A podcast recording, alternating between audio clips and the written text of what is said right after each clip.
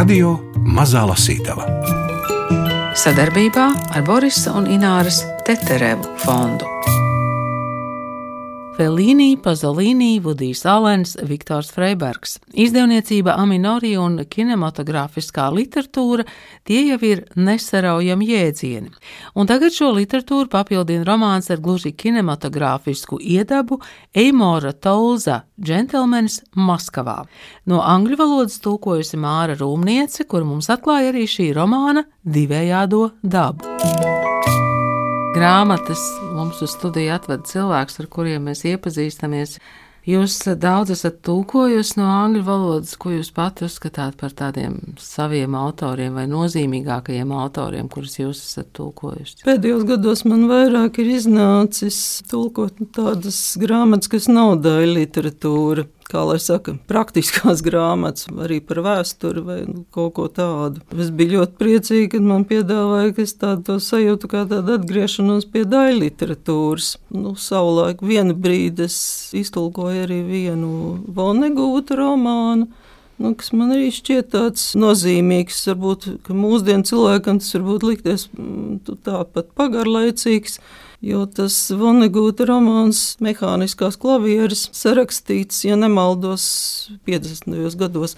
Bet patiesībā ļoti labi parāda tas, kas tobrīd tā bija kaut kāda pilnīga fantastika, vai nu, ko pat varētu uztvert nu, kā, kā tādu milzu joku. Tas viss šodien ir būtībā realitāte. Nu, džentlmeni Maskavā arī zināmā mērā var uztvert kā milzu joku, bet, kā jau jūs teicāt, to var uztvert arī simboliski. Jā, gan tīri praktiski, teiksim, to, to sižetu iztēloties, jā, nu, ka tā būtu varējis notikt. It kā jau viss tā būtu līdz realistiski, bet nu, reizē tā ir tāda dulošanās drusku.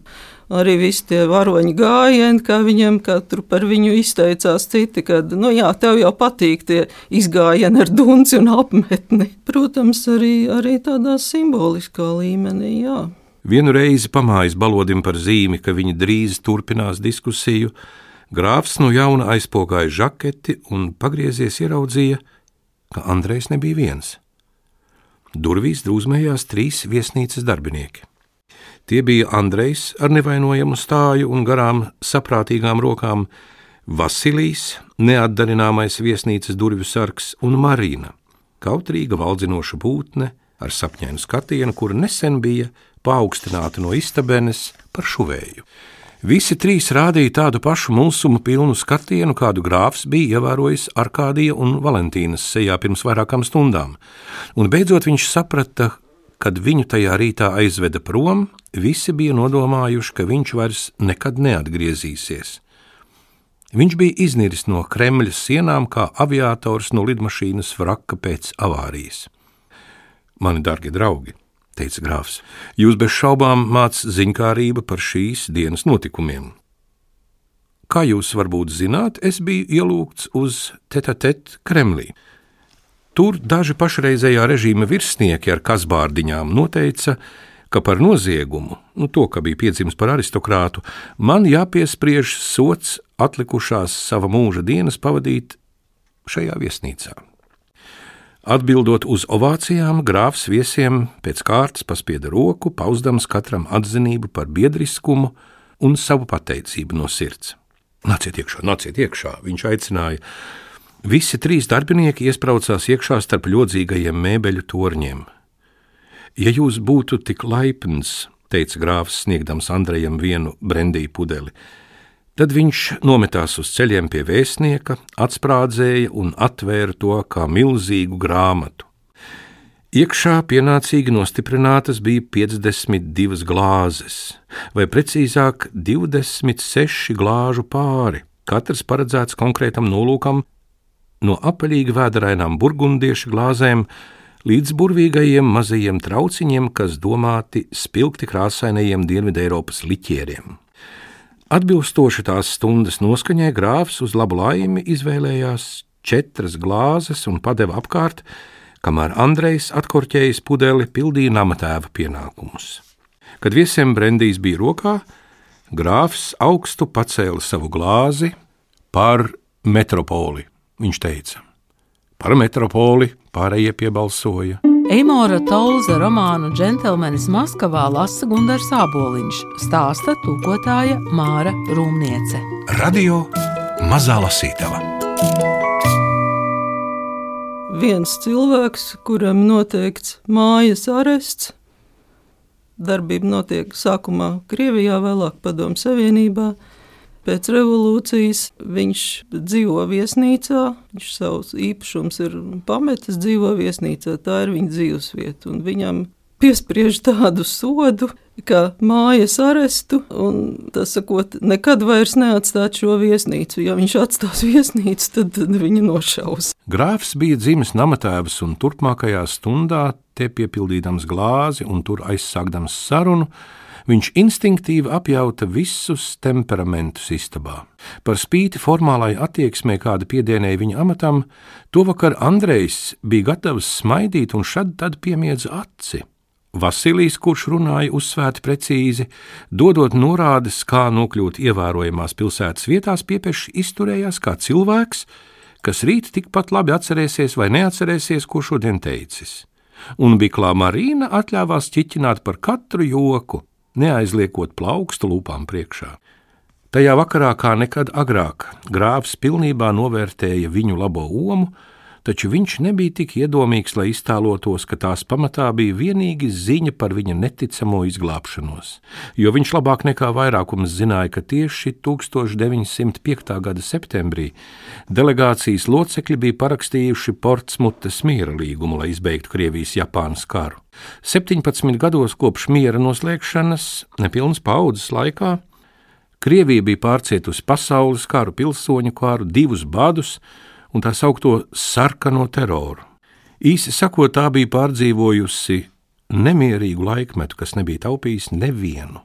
Vienalga, vai kāds bija ar kreisām vai labējām, sarkanām vai baltām nosliecēm, vai cilvēka personiskie apstākļi bija mainījušies uz labo vai slikto pusi, katrā ziņā beidzot bija pienācis laiks iedzert uz nācijas veselību.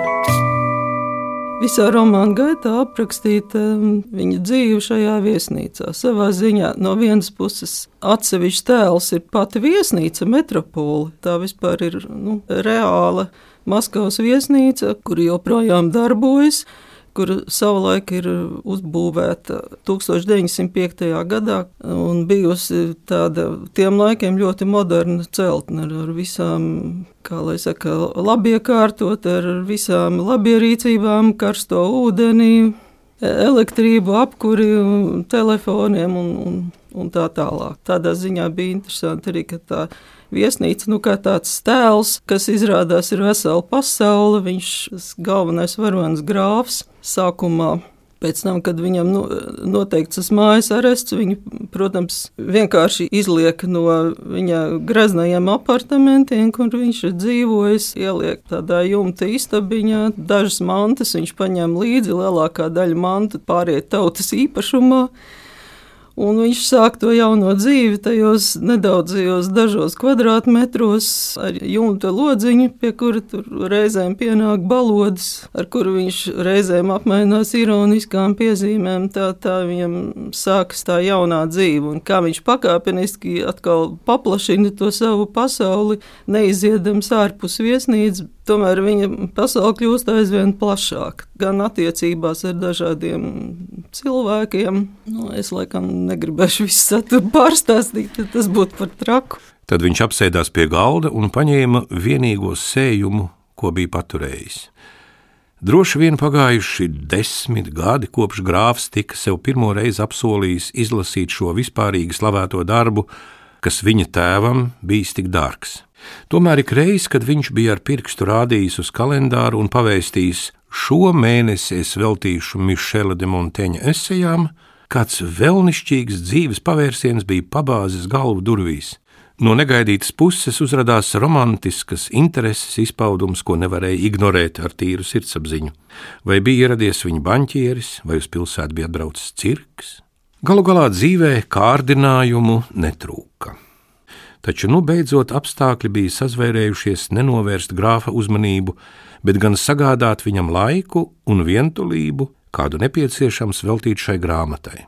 Tā apņēmīgi turēdams sējumu rokā, viņš uzlika vienu kāju uz komodas stūra, atzvēlās atpakaļ, līdz krēsls balansēja uz divām aizmugurējām kājām, un iesāka lasīt. Ar atšķirīgiem līdzekļiem mēs nonākam pie tā paša mērķa. Visizplatītākais veids, kā atmaidzināt to cilvēku sirdis, kurus esam aizvainojuši, kad viņiem ir iespēja atriepties, un mēs esam atkarīgi no viņu žēlastības, ir aizkustināt ar padevību, modinot viņos līdzjūtību un žēlumu. Tomēr bezbailība un stingrība, pilnīgi pretēji līdzekļi, reizēm ir noderējuši, lai radītu to pašu efektu. Tieši dīkajā stundā grāfam pirmo reizi bija izveidojies ieradums lasīt piešķieptā krēslā. Tajās brīnišķīgajās pavasara dienās, kad augļu dārzi bija ziedos un zālē pavīdēja lapsu astes, viņš un Helēna mēdza uzmeklēt tīkam stūrīti, lai dīki aizvadītu stundas. Vienu dienu tā varēja būt zem pergolas augšējā iekšpagalmā, un nākamajā blakus lielajai gobai, no kurienes pavērās skats uz upes līkumu. Kamēr Helēna nodarbojās ar izšūšanu, grāfs atgāza atpakaļ krēslu, balansēja, viegli atspiežot kāju pret strūklakas mālu vai koku stumbru, lai lasītu skaļi priekšā viņas iemīļotos puškina darbus un stundu pēc stundas, vārsmu pēc vārsmas viņas mazā adatiņa skrēja uz riņķi vien. Kurp dodas visi tie dūrieni? Viņš palaikam lapuses beigās noprasīja. Katrā ziņā nu jau ik viens spilvens mājā ir izrotāts ar tauriņu, un ik katrs mutautiņš ar monogrammu, un kad grāfs apgalvoja, ka viņa kā Penelope naktī izāda dienas šuvumu tikai tāpēc, lai viņam būtu jālas priekšā, vēl viens dzīs sējums māsa noslēpumaini smaidīja. Pacēlis acis no monteņa lapusēm, grāfs ar skatienu kavējās pie Helēnas portreta, kas bija atslietas pret sienu. Tas bija gleznots dīkajā stundā, augusta mēnesī, un tajā bija attēlota viņa māsa pie ēdamistabas galda, viņai priekšā šķīvis ar persikiem, Cik labi Serovs notvērs līdzību. Viņas mati tik melni kā kraukļa spalvas, vaigi mazliet sasārtuši, sejas izteiksme maiga un piedodoša. Jā, ar tādu labsirdību 14 gadu vecumā varēja tikai iztēloties, kāda pievilcība viņai būtu piemitusi 25 gados. Grāfu no šā sapņa izcēla viegla klaudzināšana. Aizvērs tēva grāmatu, Viņš atskatījās un ieraudzīja durvīs stāvam 60 gadus vecu grieķi, Konstantinu Konstantinoviču. Ar būkšķi nolaidis krēsla kājas uz grīdas, grāfs panācās pie sliekšņa un saņēma apmeklētāja roku.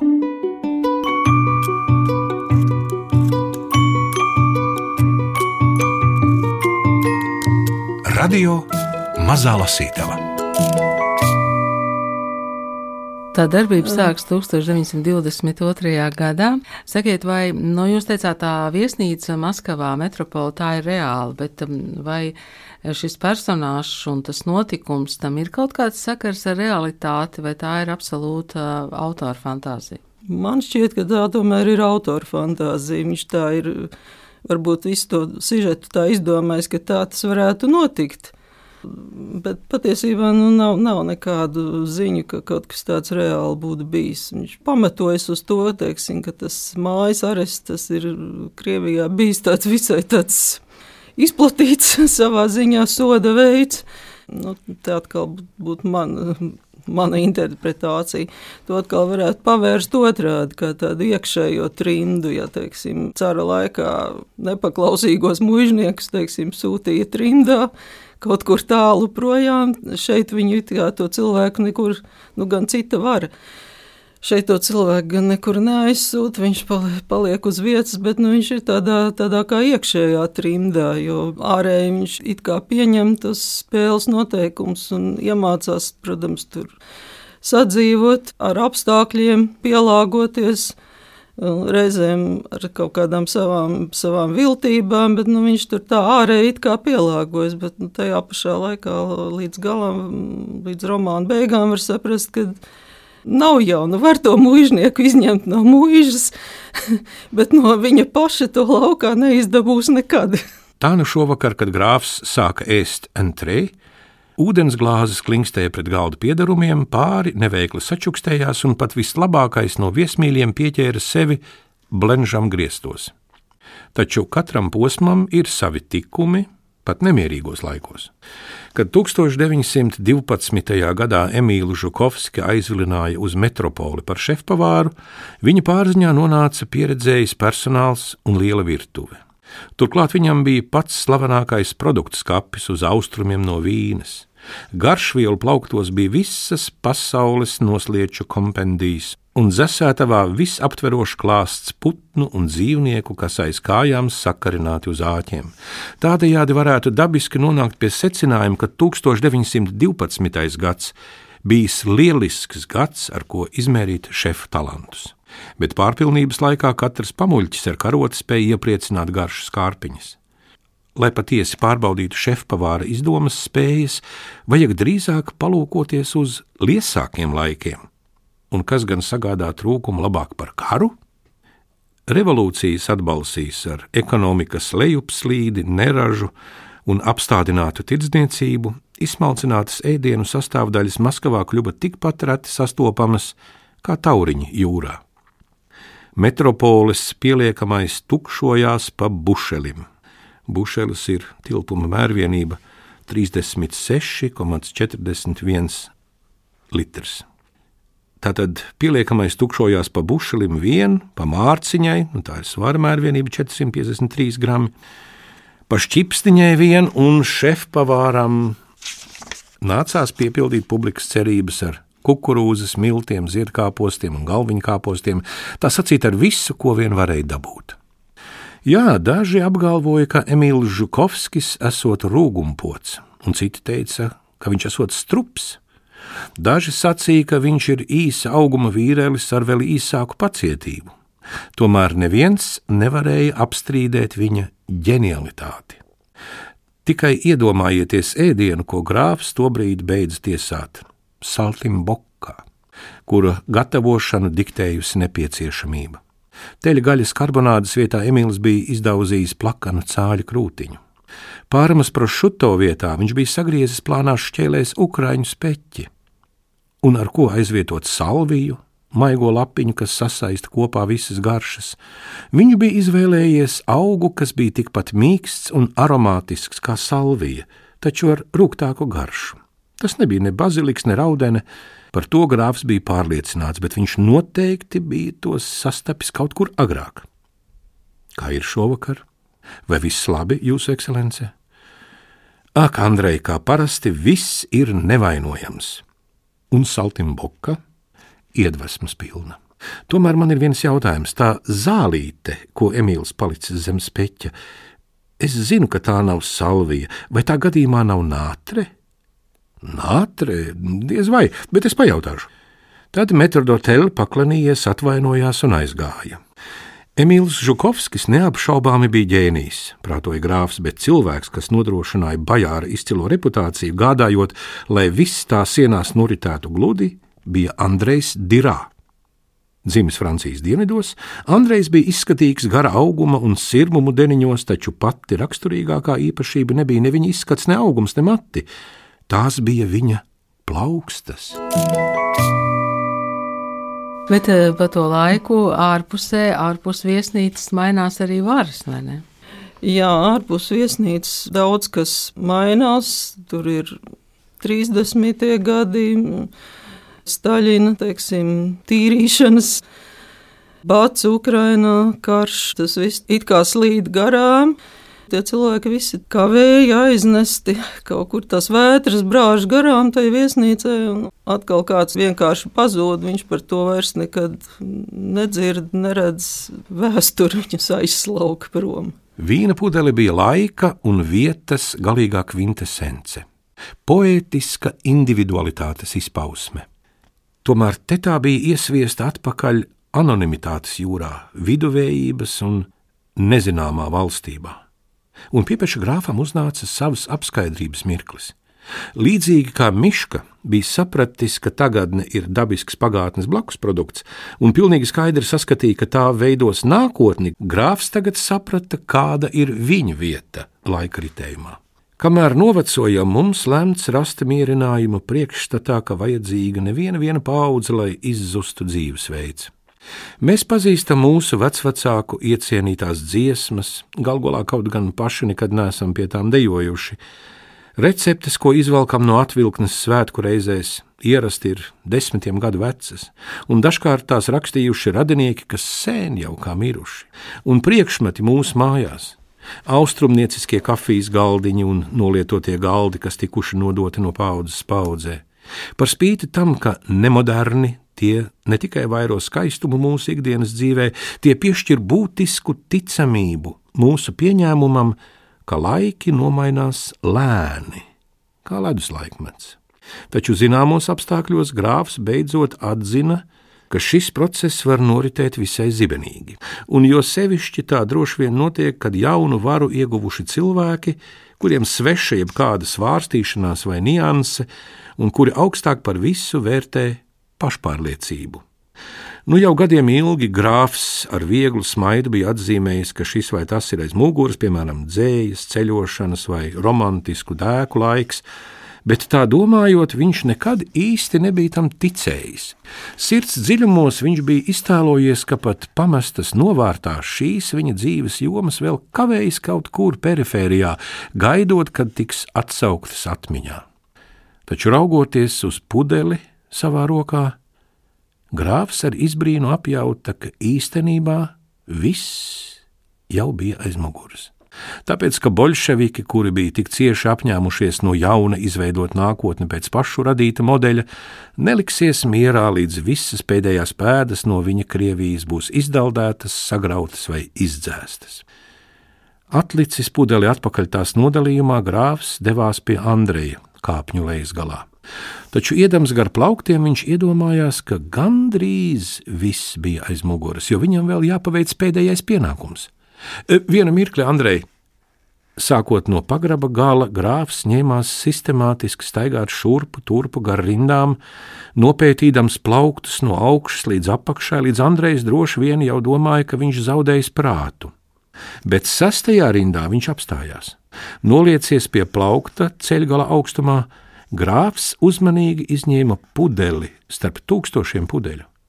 Turēdams paceltu gaisā, viņš sapņaini smaidīdams pārlaida īkšķi pār stiklā iespiesto emblēmu - divām sakrustotām atslēgām. 1926. gada 22. jūnijā, Helēnas nāves desmitajā gada dienā, grāfs Aleksandrs Iļičs Rostovs iedzers pieminot māsu. Pēc tam viņš uz visiem laikiem atsvabināsies no visām likstām un bēdām. Sakiet, vai jūs eh, pati kādreiz esat bijusi šajā viesnīcā? Nē. Nē. Un droši vien, ka tagad arī tas ir gandrīz neiespējami to apmeklēt. Nu, praktiski tas ir neiespējami, bet es domāju, ka tas būtu arī ārkārtīgi dārgi. arī ārkārtīgi dārgi. Viņš tur raksta arī, ka viņš ir bijis Maskavā un viņš tajā Tajā viesnīcā ir pat kādu laiku uzturējies, un, un, un pat tajos apartamentos ir bijis. Visticamāk, lai viņam būtu arī pašam tāds skaidrāks priekšstats, lai tās nebūtu tādas, tādas tikai pilnīgi fantāzijas, bet nu, arī kaut kas tāds reāls. Jo tur tāpat jau aprakstīts, teiksim, tā atrašanās vieta, kas tur pāri redzams, lielais teātris pretī, kas tur viss ir teātris laukums. Kinematogrāfiska grāmata ir viena no galvenajiem tēliem viesnīcu Metropola Maskavā. Eimora Tolza romānā Džentelmenis Maskavā izdevis Aminorī. Lasīja un stāstīja tulkotāja Māra Rūmniece un aktieris Gundars Āboliņš. Raidījumu veidoja Agita Bērziņa, Nora Mitspapa un Ingvilda Strautmane.